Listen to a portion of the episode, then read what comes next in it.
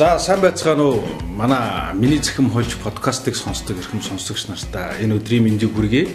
Бид нар энэ удаагийн дугаараас эхлээ подкаста бичлэгтэй болгоо. Дээрэс нь YouTube суваг дээр байршуулж эхэлж байгаа. Тэгэхээр манай YouTube суваг дээр байршуул бичлэгтэй хийж байгаагийн анхны дугаар гэсэн үг. Тэгээ та бүхэнд өнөөдрийн зочноо танилцуулъя. За өнөөдрийн манай зочин бол Мөнгөн сүх гэ залуу байгаа. За манай Мөнгөн сүх бол одоо Монгол Улсын сургуулийн гадаад дэд соёлын сургуулийг төгссөн. За дээр дараа нь Отхон тэнгэрийн сургуулийн хууль зүйн сургуулийг төгссөн. За дахиад дараа нь Монгол Улсын сургуулийн олон улсын харилцааны сургуулийг төгссөн. За дөрөв дэх дөрөв дэх сургууль нь бол Японы Мэжигийн их сургуулийн засаглал судлалын сургуулийг бас төгссөн ийм залуу оролцож байна. За сайн байна уу мөнгө сүхэ өдрийн мэнд төргий. За өдрийн мэнд. За манай подкастыг сонсож байгаа болон одоо үзэж байгаа айгүй олон үзэгч нар байгаа. Ялангуяа хууль зүйн салбарт сурдаг эрдэм шинжилгээний ажил хийдэг оюутан сурагч багш те дээрэс нь бас хуулийн салбарт ажиллаж байгаа айгүй олон залуучууд бас сонсож байгаа.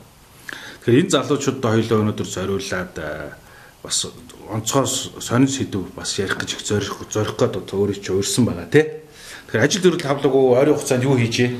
За олон шинэлэг зүйлийг сэтэж хэрэгжүүлж байгаа танай хамт олонд за энэ подкаст даварч оролцсон баярлалаа. За баярлалаа. Тэгээ миний мэрэгжил бол ерөнхийдөө бол засаглал судлаач. Тэгээ эрх зүйчийн мэрэгжилтэй. Тэгээд энэ чиглэлээрээ болвол ажиллаж байгаа. Ялангуяа болвол яг энэ засаглал судлал нийгмийн бодлогын чиглэлээр одоо энэ мэрэгжилтнүүд хамтраад засаглал судлалын хүрээлэн гэдэг байгууллагыг байгуулад ажиллаж байна.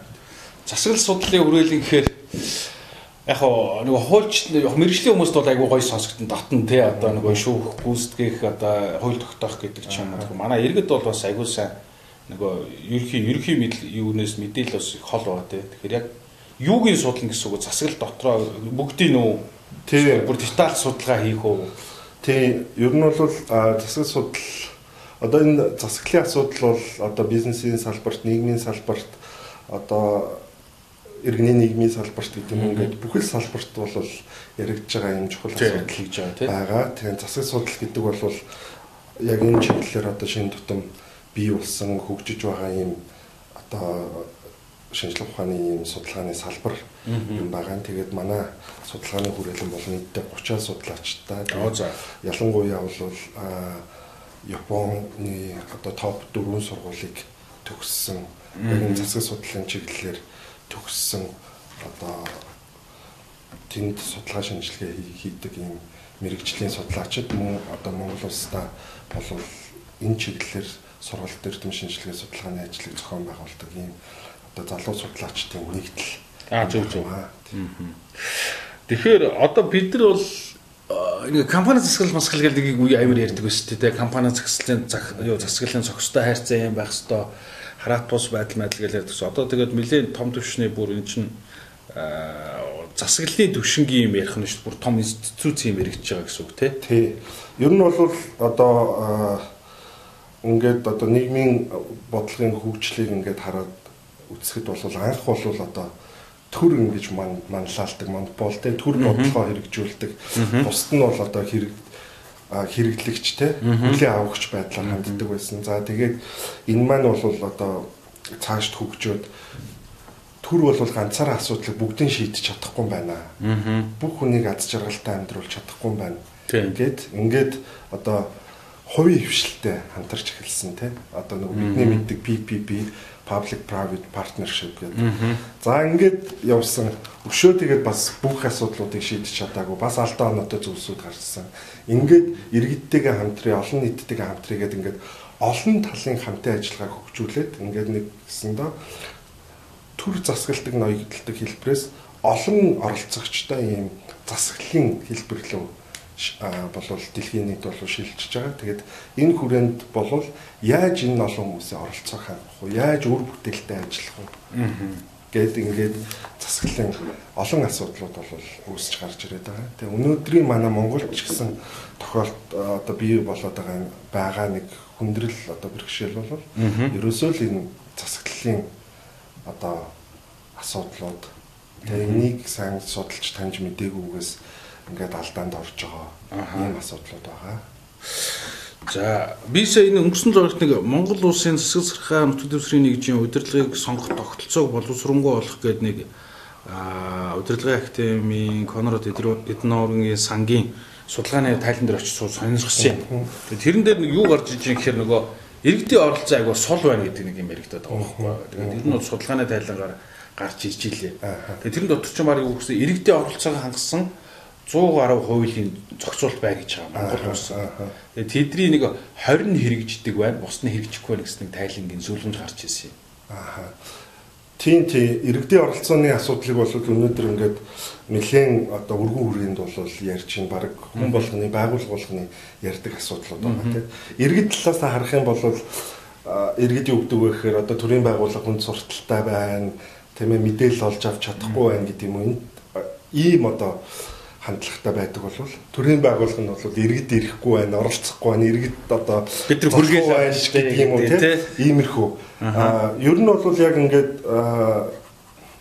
засаглал талаас нь ингээд харах юм бол дэлхийн олон эрдэмтэд бол бас энэ чиглэлээр судалгаа явуулаад иргэдний оролцооны ингээд нэг юм 8 төвшин байгаа юм тийм ээ. Тэр нь бол нэг мэдээлэл авдаг ч юм уу. За хэлбэрийн хувьд оролцоотой, за мэдээлэл авах төвшний оролцоотой гих мэтчлэн гэр. Тэгээ хамгийн өндөр төвшин нь бол шийдвэр гаргах тэр одоо процесс үйл ажиллагаанд иргэд ингэж хүртэл оролцуулах тийм. Ингээд ийм ерөнхийд нь ингээд одоо ангилуул нэг ийм 8 төвшөнд. Манайх бол одоо яг тэр нэг нэгдэх юм уу хоёр дахь төвшин тийм нэг хэлбэрийн төдий оролцоотой энэ хэмжээнд байна. Тэгэхээр иргэд яагаад оролцохгүй байна вэ гэхээр тэ зүгээр одоо залхуудаа иргэд оролцохгүй байгаа биш. Тэр оролцох хэлбэр аятай таатай тэр одоо гарц гаргалгаа бий болж өгөөг. Аа нөгөө оновчтой арга зам гэсэн үг шүү дээ тий. Мэдээж одоо жишээлбэл одоо за би нэг мэдээлэл авъя гэхэд тухайн байгууллагт очиод өргөдөл өгдөг. За тэгээ 30 хоногийн дараа очдог. Өөрөө орд суугаад тэндээс нь ямаа Канадад авдаг. Ийм бол иргэд их төдийл очихгүй. Тэр мэдээлэл нь байгаа байгууллага бол иргэдэд бол энэ мэдээлэл нээлттэй гэдэг Гэхдээ тэр авах арга хэрэгсэлний ийм төвөгтэй цаг завын зарцуул зарцуулсан ийм байхад бол иргэд мэдээж. Тэгэхээр иргэдэд хэлбэр аятай таатай энэ одоо арга зам замаар иргэдийн оролцоог бол нэмэгдүүлэх энэ шин одоо хэлбэрүүдийг бид нар бий болох хэрэгтэй байна одоо бий болгоно гэдэг нь бүр цоо шинээр бий болгоно гэсэн үг үү? Эсвэл одоо олон улсад туршигдсан сайн туршлагууд гэж бид нар ярьдаг шүү дээ. Тийм гоё одоо яг Монголын хөрсөнд буугаад за энэ л яг болно гэдэг гоё тийм бодитод татаад оруулж ирчихээр тийм бэлэн модель байна уу? Тий, ер нь бол мэдээж бол одоо байгаа энэ туршлага дээр улам бүр одоо цааш нь хөгжүүлэх хэрэгтэй. Тэгэхээр дараа дараагийн шатанд бол гаргах хэрэгтэй. А гадаадын сайн туршлагууд ийм зүйлс бол одоо нэлээд олон байдаг тийм бид нар ч гэсэн одоо судалгааныхаа хүрээнд Японы одоо олон хотуудаар яваад тэр иргэдийн оролцоог яаж хөгжүүлдгийг одоо хотын одоо тэр удирдлагын хурал иргэдийн хуралд иргэдийн санал хүсэлтийг яаж авдгийг ч гэдэг юм уу хотоо иргэдтэйг нийлж яаж төлөвлөлтгийг ч гэдэг юм уу ийм арга туршлагуудыг бол нэлээд харж судалж ирсэн. Гэхдээ энийг яг зөв зөвтэй байдлаар нь байдлаар нь а Монголд нутагшуулах гэдэг бас нэг юм асуудал болвол хамгийн гол чухал зүйл байгаа. Одоо манай а ингээд төрийн байгууллагуудын үйл ажиллагаа энэ бүх зүйлийг харахад хүмүүс шин шинэлэг зүйлсийг өр өгөөжтэй зүйлсийг хийхийг нэлээд эрмэлздэг. А гэхдээ яг бодит үр дүн их баг гараад байгаа харагддаг л та. Яагаад вэ гэхээр ерөнхийдөө төрийн байгууллагууд маань яг юун дээр алдчих гэдэг үлээ нарийн тодорхойлж чадахгүй байх өнөөдөр. А ер нь бол яг хоо болоо зам бүтээл хэрэгээ яваад идэг. Тэгсэн мөртлөө нөгөө хаана алдснаа. Тий одоо жишээлбэл тодорхойлж чадахгүй нэг гэсэн үг тийм үү? Тий.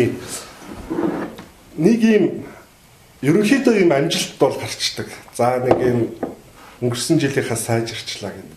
Гэтэ тэр амжилтын дотор маш олон алдаанууд байдаг. Тэр жижиг жижиг алдаануудаа засчиж дараагийн шатны амжилтанд гарах үндсэн нөхцөл нь болдог. Гэтэл одоо ингээд манай байгууллагын судалгааны ажлынхаа хүрээнд ингээд яг одоо бол нэлээд юм ажиглаж байгаа сэдв болол одоо төрийн байгууллагууд маань одоо нөгөө иргэдийн сэтгэл хангамжийн судалгаа гэдэг зүйлийг хуулиараа яг одоо одоо яг энэ хугацаанд бол хийх ёстой, хэрэгжүүлэх ёстой. Тэгээд ихэвчлэн дандаа тэр судалгаанууд бол яг судалгааны шаардлага хангахгүй, үр дүн буруу гарсан тийм ээ. Ийм одоо хэлбэртэй байгаад байгаа харагддаг. Ерөнхийдөө тайлан мэдээллийг харахад нэгсэндөө алдаага харах гээд байгаа шүү дээ судалгаанаас. Гэтэл тэр судалгаа маань алдааг нь илрүүлж гаргаж чаддаг. За илрүүлж гаргасан ч гэсэн тэрийг хүлээн зөвшөөрдөг. Нэгсэндөө а Эсвэл нөгөө дарчдаг ч юм уу тий. Эсвэл зүгээр яг өөр таалагдсан хэрэгтэй тоог нь ярьцдаг. Тэгээд асуудал бол байгаад байдаг шийдэгдээгүй байдаг. Гэтэл дарга бол он цаваад байдаг юм болчлоо гэдэг. Эннээс ингээд одоо зөрүү гараад байгаа. Тий. Тэгэхээр энийг л одоо сайн анхаарч арилгаж ингэж л ажиллах шаардлагатай. Одоо тий бид нар нэг одоо манай зүйн салбарт хийсэн нэг судалгаа байдаг шүү дээ. Одоо нэлээд олон хүмүүс мэднэ л дээ. Улсын хэмжээнд хийсэн судалгаа тийм бас нөгөө иргэдийн мэдээлэл авах төрийн төрийн байгууллагуудаас үзүүлж байгаа үйлчлэгээ иргэдэд хэр хүрч байна. Иргэд тэр мэдээллийг олж авч чадж байна гэдэг асуухад хуульчны салбарын асуудал тулгархад тухайн иргэн иргэдийн бол нэг 50 гаруй хувь нь хаана хэн дандхай мэдэхгүй байсан гэдэг судалгаа бүр гарч ирж байгаа шүү дээ. Тэгэхээр ий чинь бол айгүй одоо гуригта тав байхгүй. Бүхэл бүтэн улс байж штэ. Би одоо хөнгөрсөн тохиолдолд над би цагдаагийн газар хандах ёстой, шүүхэд хандах ёстой гэдэг тэр одоо юу гэдэг мэдээллийг олж авч чадахгүй гэдэг бол тэр одоо мэдээллийн түүнд нэг ажиглагдаад байгаа гол алдаа гараад байгаа их үүсвэр бол ийм байна саяхан нэг судалгаа ажиглаллаа л да.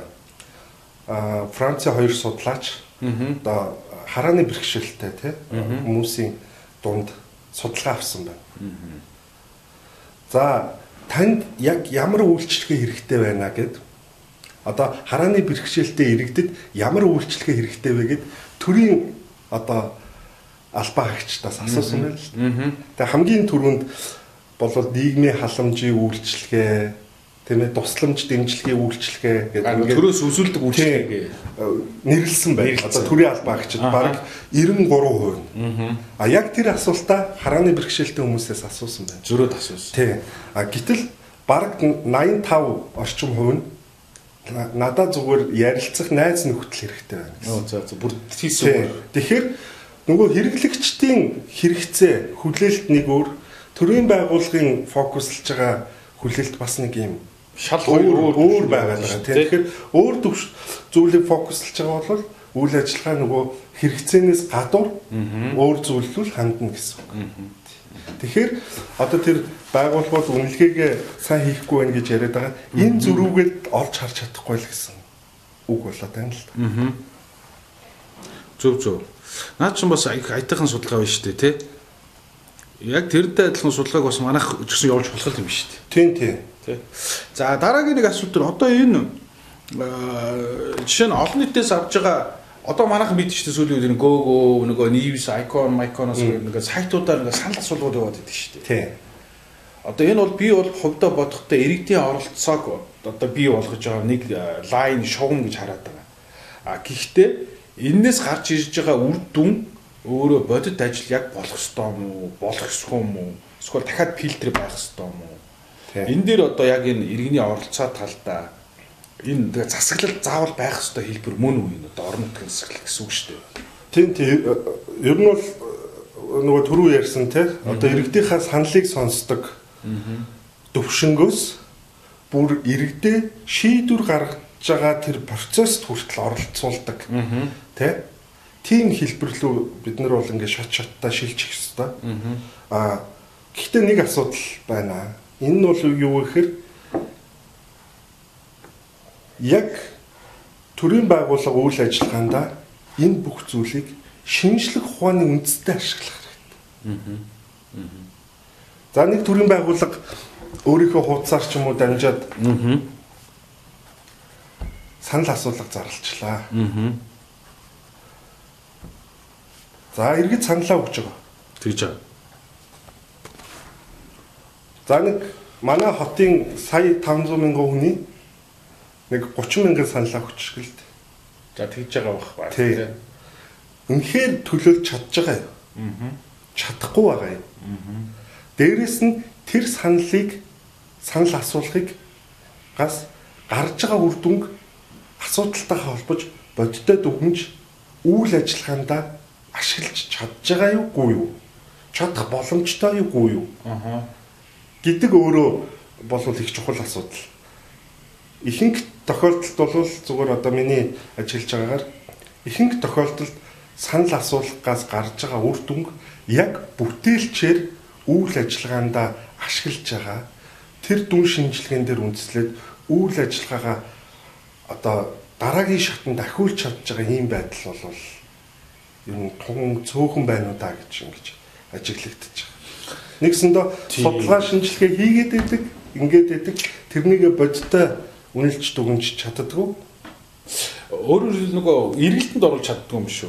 Сая тэр сүүлд нөгөө Баатар билег сайд билүү боловсролын сайд нэг Монгол үндэсний телевизээр нэг э, технологийн шинжилгээний нэвтрүүлэг орж би нэг мэдээс осож ирсэн юм. Боловсролын яам дээр яг өнөөдрийг хүртэл хийгдээд ирсэн. Гэхдээ хизээ ихсэн мэдэхгүй байна. 5000 гаруй төсөл байл гэж байгаа байхгүй хураагдцсан. Тэрийг нь улс санхүүжүүлсэн. Тэгээ тэрийг нь болохоор өдөөс санхүүжүүлээд аваачаал тэр нэг юунд хийсэн. Өрөөнд оруулаад chodолцсон. Тэгээ тэрийг нь буцаагаад нэг ч төрлийн байгууллага, нэг ч хувь хүн, нэг ч хуулийн этгээ тэр судалгааг нь авч ашиглаагүй гэж байгаа байхгүй юу. Тэгэхээр наа чи ер нь манад ер нь сүүлийн үед дотоодын компаниуд хийж ин олон улсын донор байгууллагч ахсар их судалгаа хийгээд байна тий. Тэгээ яагаад энэ судалгаа нь өөрөө ингээд тийм юу гэдэг хүлэм шөрөгдгүүц гэдгийг мэдэхгүй байна би зүгээр яг тэр талаас зарим хүлэм шөрөгдөж байгаа. Яагаад энэ судалгаанууд э, ингээд бодиттой яг ингээд судалгаандаа үндэслэх шийдвэр гаргадаг даа энэ төрийн байгууллагууд гаргадаг юм бэ. Тэгээ яах гэж одоо тийм олон судалгаа хийлгээд идэв тий. Тэгээ ер нь мөнгө зарж байгаа шүү дээ.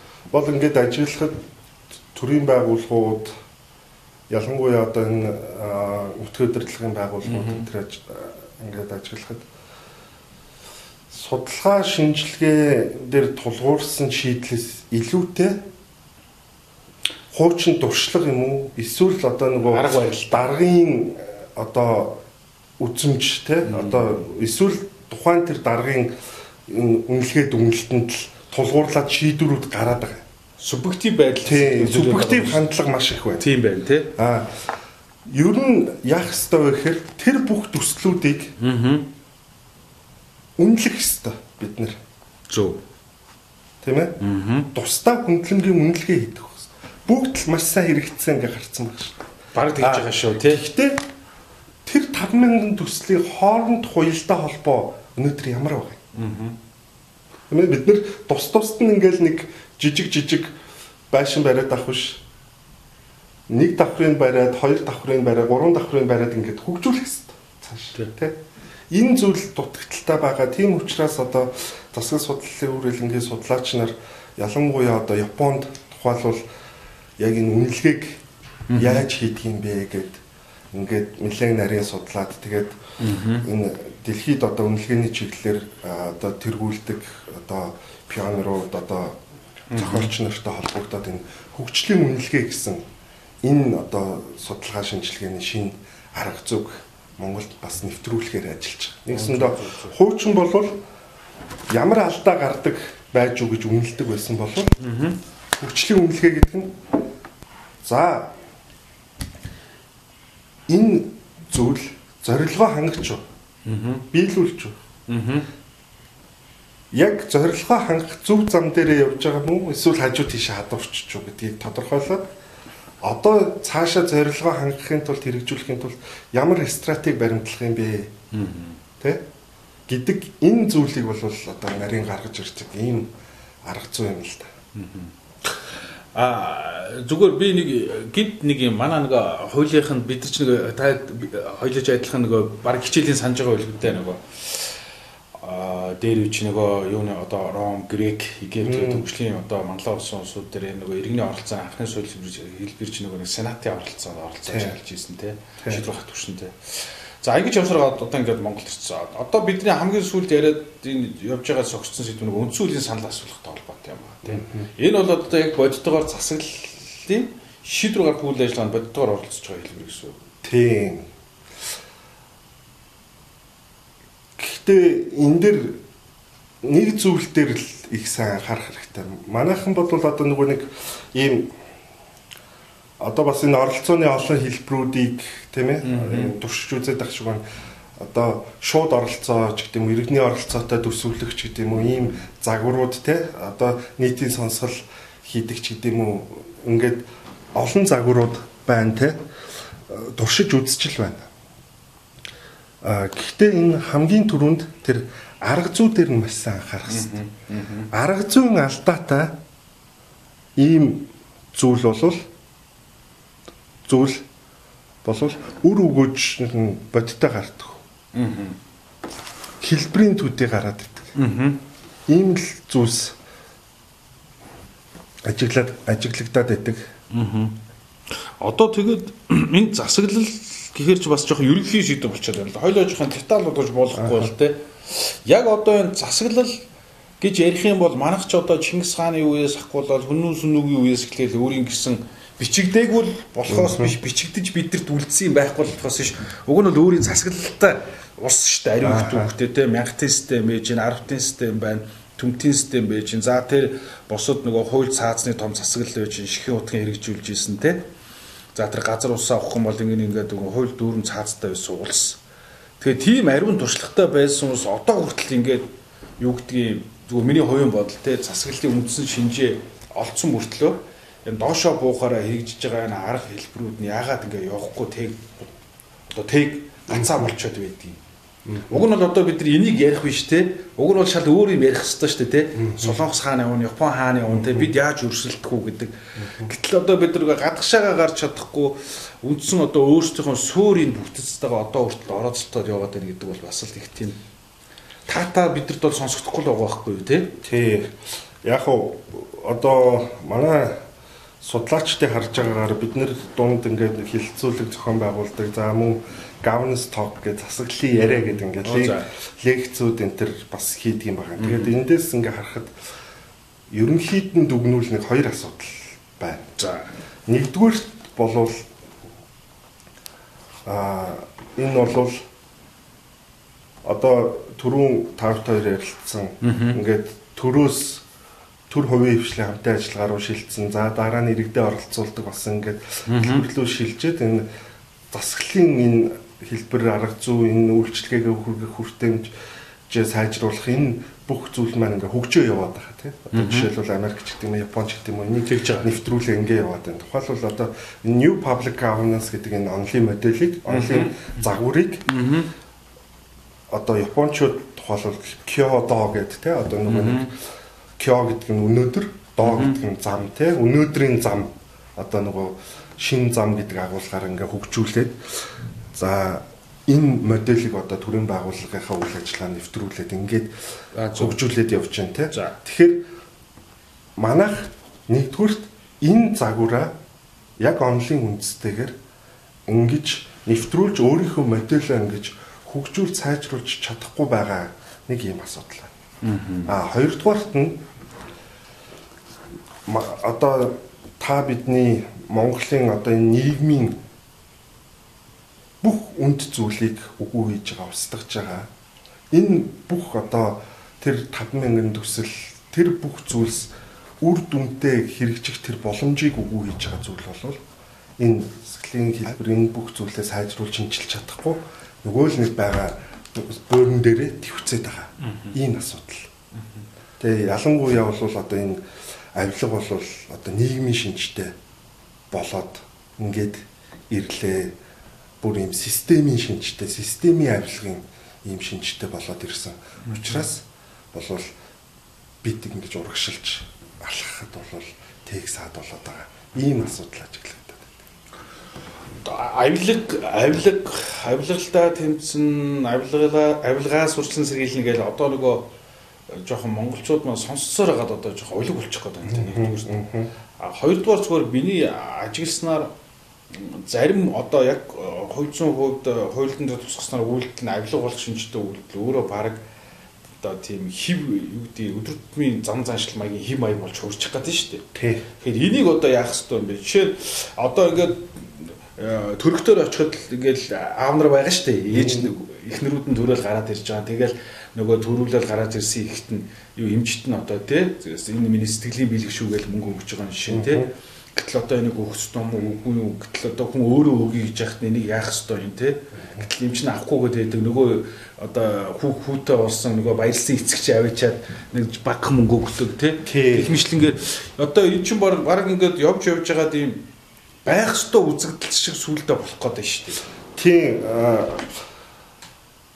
бид нар одоо бас яг энэ авилгад хандаад нэлээд бас одоо судалгаа шинжилгээний ажил ялангуяа одоо бусад улсуудтай харьцуулсан байдлаар харьцуулсан авилга судлалын чиглэлээр нэлээд судалгаа хийж үзэж байна. Бусад улсууд одоо авилгаа яаж хийцэн тийм авилгаа шийдсэн маш олон улсууд байна тийм тэдний арга туршлагаас ингээд судлаад харж байна. Тэгээд ерөнхийдөө бол засаг судлал хүрээлэн авилгатай тэмцэх болвол зүйтэй. Тэрний хажуугаар тэмцэх ёстой. Тий. Заашгүй тэмцэх ёстой. Авилгагүй аз жаргалтай сайхан амьдралыг одоо бий болгох, бүрдүүлэх тэр авилгагүй байх тэр энэ соёлыг бас төлөвшүүлэх ёстой гэж одоо гол анхаарал хандуулж ингэж судалж үзэж байна. Яагаад вэ гэхээр манайхан нэг юм мөнгө өх энийг л зөвхөн авилга гэж үздэг.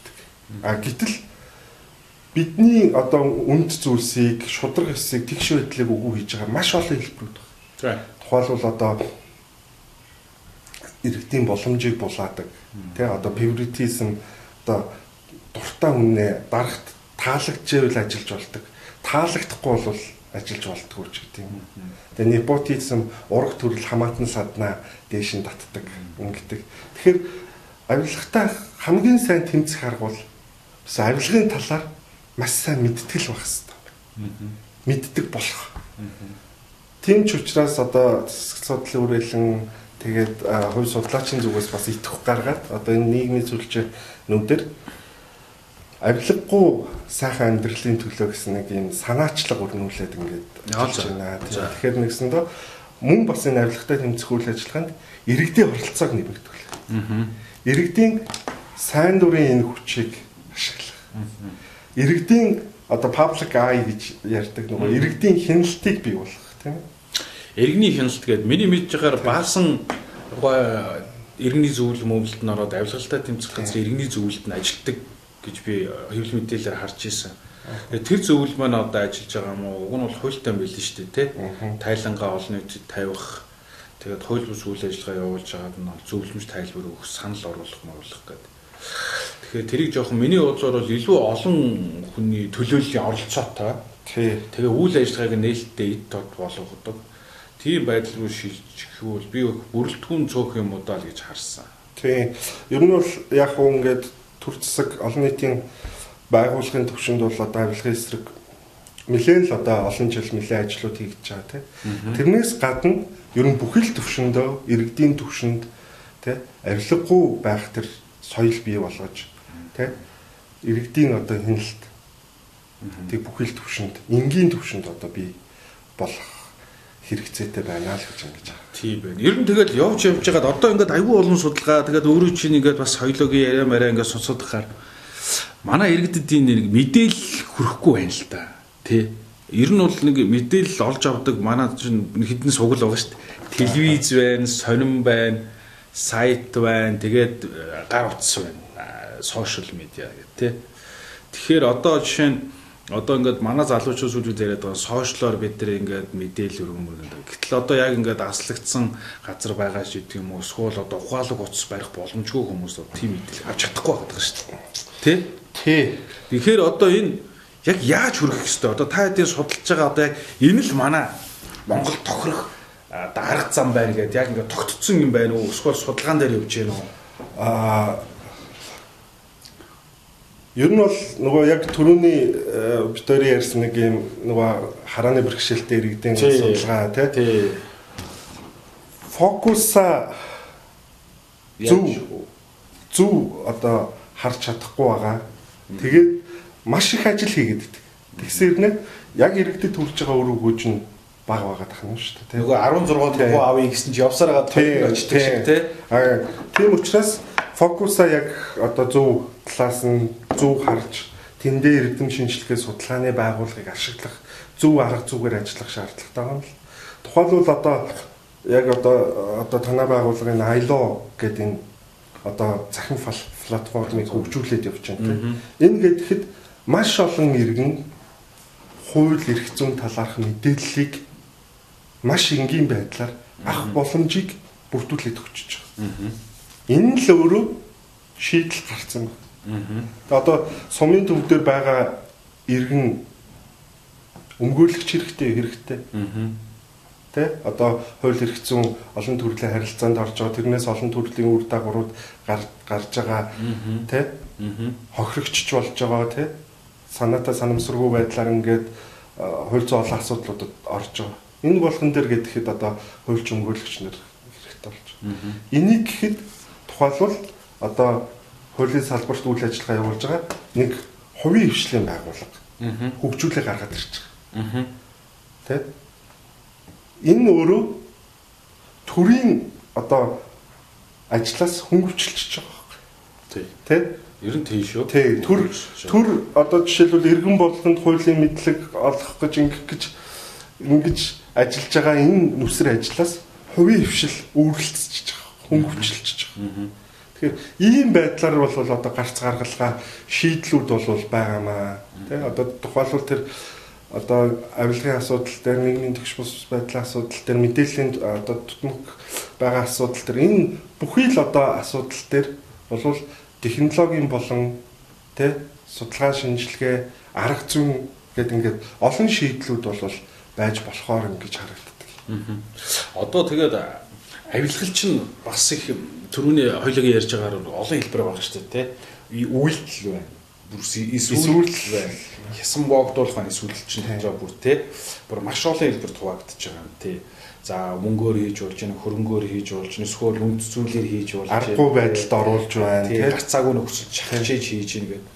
Тэгэхээр энэ болгоныг иргэд одоо мэдэхгүй байна л да тий. Тэгэхээр одоо яг жишээ нь авилгал гэж ойлголт нь өөрөө одоо яг хин дээр яригдах юм гэдгийг хүртэл зарим хүмүүс мэдэхгүй шүү дээ. Төрийн албаа агч нар дээр яригдах юм уу? Эсвэл хуурай бизнес хийж байгаа хоёр залуугийн хооронд яригдах юм уу гэдэг хүртэл хүмүүс манай зарим иргэд бол мэдэхгүй байхгүй. Тэгэхээр яг энэ авилгал гэдэг чинь хаана яригддгийг, хин дээр яригддгийг, яг ямар үйлдэл нь авилгын үндсэн шинжтэй болж байгаа юм гэдэг энэ ерөнхий суур тань мэдхгүй юмнуудаа манайх өөрөө сайн хийж чадахгүй болохоор Тэгээ сүултээ нөгөө суур мэдээлэл өгөөгүй хийж байгаа. Сүулт нь авилгал муухай баба гिचгэрч хүн ойлгохгүй байхгүй. Тийм харин. Тий. Юуг авилгал гिचээ тэрийг баба гэдэг байгаа гэхээр тэгэхээр энэ суур энэ мэдээлэл мэдлэг өгөх тал дээр л аягуулсан ажиллах хэрэгтэй юм биш үү гэж би хувьдаа хардыг урт хугацаанд гэсэн үг шүү дээ.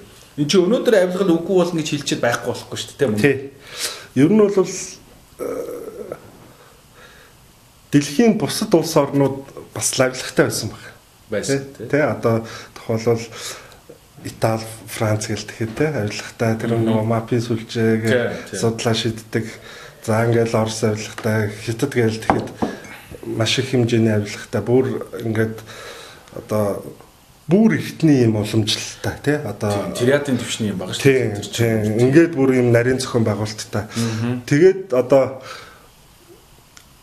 энэ улс орнууд авилгын асуудлаа бүгдийг шийдэж чинь авилгаа хяналтын хяналтанд доороо байлгаж байна те. Одоо бидний хамгийн сүүл сайн мэдж байгаа жишээ бол бол энэ хятад улс биш те. Ингээд авилгаа асуудлаа шийдэж байна те. Сая байхгүй боллоо гэдэг зарлалаа шүү дээ те. Тэгэхээр энэ бол болдгийм байна. Гарц шийдэл байдгийм байна. Ялангуяа бол засаг судлалын үрэлэнгээс хийж байгаа судалгаа бид нар бол сүүлийн судалгаа энэ авилгын чиглэлээр ном зохиолуудыг орчуулж гаргах хүмүүс төргий гэдэг ингээд бас одоо нийгмийн үүргээ бол гүйцэтгэх чиглэлээр ингээд ажиллаж байна. Тэгээ ингээд ингээд харахад ерөнхийдөө нэг юм нийтлэг одоо шинж байгаа. Энэ нь бол юу гэхээр одоо шин үеийн гэж хэлээ л да тий. Одоо залуу гэж хэлэх хэлэх нь бол тийм зохимжтой биш байна. Шин үеийн одоо хуульчид шин үеийн шүүгчд. За шинэ үеийн одоо мэрэгчлэтнүүд, технократууд гарч ирж бий болж энэ одоо нийгмийн шинжилгээг хийж тийм ээ нийгмийн шудраг хэсгийг бэхжүүлж тэ тэгш байдлыг бий болгож ингэж одоо авилгын асуудлаа шийдсэн олон жишээнүүд байна. Тэгээд ингэж одоо шийдэж өөрчлөлт хийсний дараагаар нийгмийн баялаг иргэдэд тэгш шударгаар хүрдэг. Олон төрлийн одоо иргэдэд боломжууд бий болдог. Тэ? Ийм одоо олон одоо жишээнүүд байна. Тэгэхээр хамгийн түрүүнд тэг миний нөгөө түрүү хэлдгэр авилгатай тэмцэх хамгийн сайн арга бол түүнийг илүү сайн мэддэг болох. Тий, яг үнэ. Тэрэн дээр ч юм бол би өстө 100% санал хэлж байгаа шүү тий. Энэ зөвхөн төр одоо эргэн хоёрын хооронд үүсээд байгаа юм асуудал биш. Хувийн секторт ч авлага. Тэр байтугай иргэд хооронд ч хүртэл энэ авилгын энэ зүйл уламжлалтай. Энэ юмнууд бол байгаа. Тэгэхээр энэ олон төрлийг илүү их одоо танин мэдж зэрэг байна. За тэгэхээр энэ Уг нь бол одоо авилгал авилгын хэсгийг хуйлгаад Монгол улсч айгүй бас том хууль байгаа шүү дээ. Олон улсын шахалт бас дээрээс нь орж байгаад энэ нөгөө батлаа батлаад явагдсан манай улсаас өөрөө нэг боловсруулад саналаа явуулсан. Зүгээр яагаад миний хувьд бол би зөвхөн хувь хуульч байгаа хүмүүст харахад бол авилгын оролцож байгаа ерөөхдөө гол гурван субъект байгаа шүү дээ. Өгж байгаа, авж байгаа, зуулчж байгаа. Тэгээ манад ч юм бол одоо сая шинжсэн хуулиар арай өөрчлөгдсөн. Гэхдээ ер нь бол гол зорилго нь өгсөн авсан зулжсан гуруугаа ижил төвшин шийдгээд байгаа байхгүй юу? Тий. Яг л гуруулангийн гимт хийгдэн гэж үзээд. А гэтэл одоо сүүлд бол аргагүй нөхцөл байдалд ороод те хэсэн богдвол харга замаар авилгал аваад авилгал өгөөд тэрийг өөрөө илчилж ирүүл ялаас чөлөөс зохицуулалт болсон. Тэгэхдээ энэ нэг талаасаа харахад хууль эрх зүйн хувьд бол агч байгаа мэт харагдавч. А нөгөө талаасаа бол яг авилгалтаа бүрэн тэмцэх улс төрийн хүсэл сонирхол бол байхгүй байна гэж харагдаад байгаа. А авилгалаа шийдсэн улс орнуудад яаж ийм гэхээр зуурчилсан өгсөн хоёрыг нь ялаас чөлөөлчихөж байгаа. А ганцхан авсан хүрийг авч шийдэгдэж байгаа байхгүй юу? Тэгэхээр тэрийг нөгөө юу тэрийг тэр тухайн улсад юу гэж тайлбарладаг вэхээр хүн болгонд өгөх сэтгэл байдаг. А тэрийг нь харин авч л болохгүй. гэдэг тэр ерөнхийн нөгөө улсынхаа одоо тэр философороо тэгээд явцсан байгаа юм. Тэгээ шийдсэн зайр улсууд бол байна. Тэгээд эхний 3 4-ийг нь яг хуулинд автуу зааж агаад олон нийтэд нээлттэйгээр ялын гүйцэтгэгдсэн. Тэнгүүд нөгөө хүмүүс наа болохгүй мэн гэдэг агүй сайн юу авцсан. Ийм тохиолдол байна. Тэгэхээр манайх нөгөө улс төрийн хувьд одоо доогуура иргэдний ингээд авилгалтаа тэмцээд байдаг, байгуул хувийн хвшлэлд нь тэмцээд байдаг те. Гэтэл яг хууль тогтоомжийн хувьд эрх зүйн зохицуулалтын хувьд одоо үндсэндээ тэгэл яг нарийн дээр тулахад залуучууд зарим хүмүүс бол тиймэрхүү байдалтай байгаа шүү дээ. Шахагдсан гарцаагүй нөхцөл байдалд орцсон тий. Жижиг юм дээр аваач нөгөө дархан шахагдсан намайг тий. Ганц гар үсэх зураагүй төлөө ганц нэг хуулбар өгөөгүй төлөө миний одоо ажлыг зогсооцсон. Тэгээд тэрнийхэн зүрүүд мөнгө нэхэд идэг. Тэгээ би одоо бүхэл бүтэн ажлаа эхлэе явуулсан. Энд эндээс баахан зээл авцсан. Яаж би дэрийг нь урах юм бэ гэж явж байгаа. Олон олон бизнесмэнүүд байна тий. Тэгээд нэгсэндээ авилга гэдэг зүйл тэр олон иргэдийн тэр олон залуучуудын боломж бизнесийн хөгжил хөгжих боломжийг булгаалчихж байгаа тийм үгүй ичж Дээрээс нь бүр амьдралаар нь бараг байна. Би бүр тийм нэг бас хүнтэд харж ирсэн шүү дээ. Ингээд бас нэг нэг төрийн ажил авсан юм шиг байна тий. Гэхдээ яг ямар ажил авсан санахгүй байна. Нэг ажил аваад явж ирсэн гатсан юм нэгсэн өгч чадаагүй тэгсэн чинь банкнаас нэг зээл авцсан байсан. Тэгээд нөгөөдхөө төлөхгүй буцаад өрөнд орцсон баг те юм хийхээсээ юм мөнгө олох биш буцаад өрөнд орсон юм тохиолдол гэсэн байгаа байхгүй юу? Тэ. Тэгэхээр одоо миний харж байгаагаар бол манай хууль тогтоомж за тэгээд бид нар чинь авилгатай тэмцэх газар гээд бас нэг юм бие даасан одоо тэ ийм институт байгуулахдаа ингээ болчихсон ингээд ерөнхийдөө энэ талдаа бол дайжгүй тийм муу биш. Дайжгүй а гол нь яг одоо таны хэлдгээр энэ авилгын эсрэг энэ улс төрийн шийдвэр гаргагчдын хүсэл зориг. Дутаад байна уу хэрэгтэй байна хүсэл зориг төдийгөөс гадна яг ийм шийдвэртэй ийм томоохон алхмууд тийм ээ хийхгүй байна л да тийм энийг болвол одоо гаргаж тавих шаардлагатай байна. Ялангуяа бол одоо сургуулийн төвшөнд 10 жилийн бүр боловсролын төвшөнд ингээ нэлээд сайн оруулж өгдөг. Тэ их сургуульд ч гэсэн одоо маш олон төсөл хөтөлбөрүүд явж байна. Тэгээ ихэнх нь за бүтлгүүд чинь гэж хэлэхэд хэцүүч үр дүн их багтаа байгаа харагдаж штэ. Тэгээ энэний цааш шалтгаан бол ерөөсөө л энэ ажиллахтай холбоотой. Нэгсэндөө хэрвээ эмчээр болвол эмчээр болвол нийгмийн эмч болвол ямар өвчин туссан бэ гэдгийг ихлэ оншилж иж дараа нэмэх хэрэгтэй. Тэ? Тэгэхээр манай одоо их сур ихтэй сургууль төгсөж байгаа эмчнэр багш нар одоо тэ энэ бүх хүмүүс бүгд юмыг яаж сайжруулах вэ, яаж хөгжүүлэх үү гэдэг ингээд 7 хоноглын цагуур энэ бүх юмнуудыг үзээ сураад ингээд төгсөж байгаа. Аа. Гэтэл нийгмийн нөгөө өвчин болсон авилгын талаар мэдлэг мэдээл багтаа. Тэр нь та авилга авснараа нийгэмд ямар хор хөнөөл учруулж байгаа юм бэ? Эргээд тэр хор хөнөөлийнхөө хохирогч нь та өөрөө болно шүү гэдэг энэ ойлголт мэдлэг мэдээлэл дутмаг байна. Тийм маш багтаа гарч байна л гэж. За за дараагийн асуулт байна. Одоо хоёулаа ерөнхийдөө цаг дуусж байна. Манай подкаст болон YouTube-ийн бичлэгнээ. За сүүлд одоо энэ нэг ийм юм байгаад байгаа маа. Түр өөрөө шийдсэн энэ авилалтаа яаж тэмцэх вэ гэхээр шинэ үеийн хуульч шүүгч нар тий тэмцэгдэх нөлөө үзүүлдэг гэж байгаа. Жишээ нь одоо энэ миний мэдж байгаагаар бол энэ Англи, Америкийн энэ нөгөө шүүгч засаглал нэлээд сайн бэхжигдсэн энэ улсуудад яадаг гэхээр нөгөө шүүгч гаргасан шийдвэрээр ингэж бахархаж амьдэрдэг.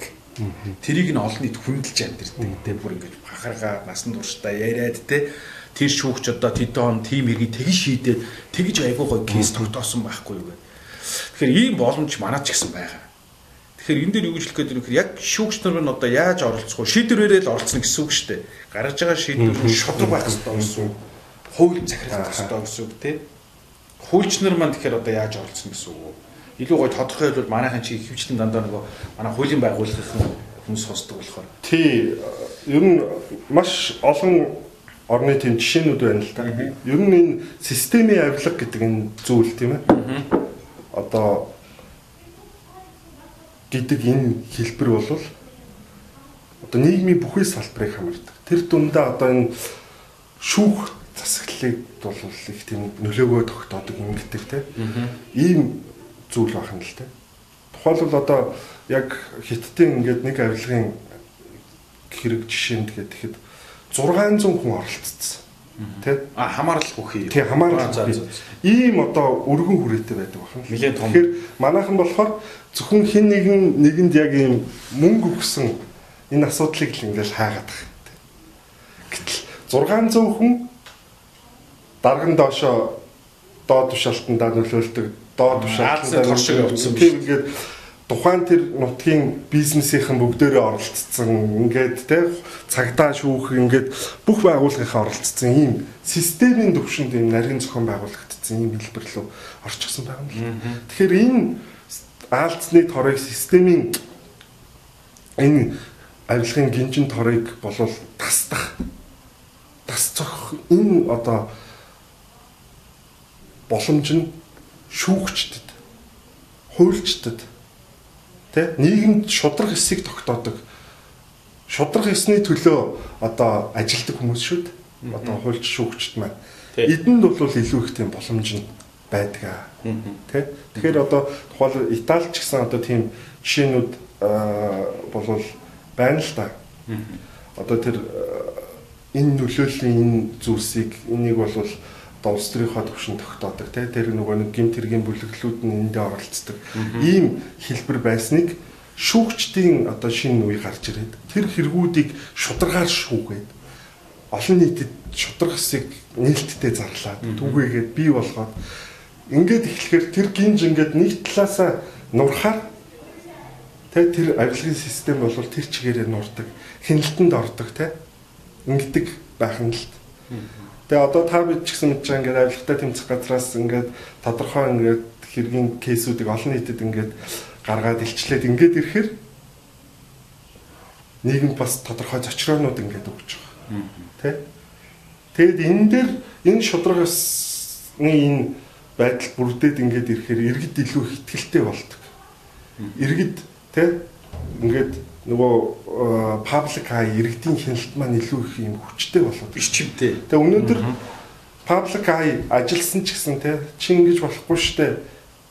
Гэсэн ч гэсэн нөгөө авилга авсан итгээд чин гин буруунд тогтогддгүү тэ? Шудраг ёсны одоо одоо шийтгэлээ хүлээж шударгаар хүртдэггүй тий хүлээдгүү хүртдэггүй ийм байдлууд байгаа учраас энэ маань ингээд нийгмийг маань ингээ хорлоод хохироогоод ингээд яваад. Тий, наач юм бол ч та баг нэлээд суур юм явж байгаа шүү. Зүгээр юу гэж ингэж хаадаг вэхээр яг нэг нэг ижил үйлдэл хоёр өөр итгээд шүүхээр орж орох тохиол гарч байгаа байхгүй юу. Адилхан хоёлоо авилгал авцсан уу авцсан. Тэгэхдээ нэг нь ялтаа гараад нэг нь ялгүй гарахаар нөгөө нэг шудраг ёсны шүүхийн асуудал хаана байгаа тэгээд нөгөө ялгүй гарсан хүмүүсийг нөгөө бусад иргэд харахаараа а болдгийм байх штэ гэдэг ийм ойлголт авахаар ингээд эн чинь өөрөө цаашаа хомигдохгүй бүр илүү тий.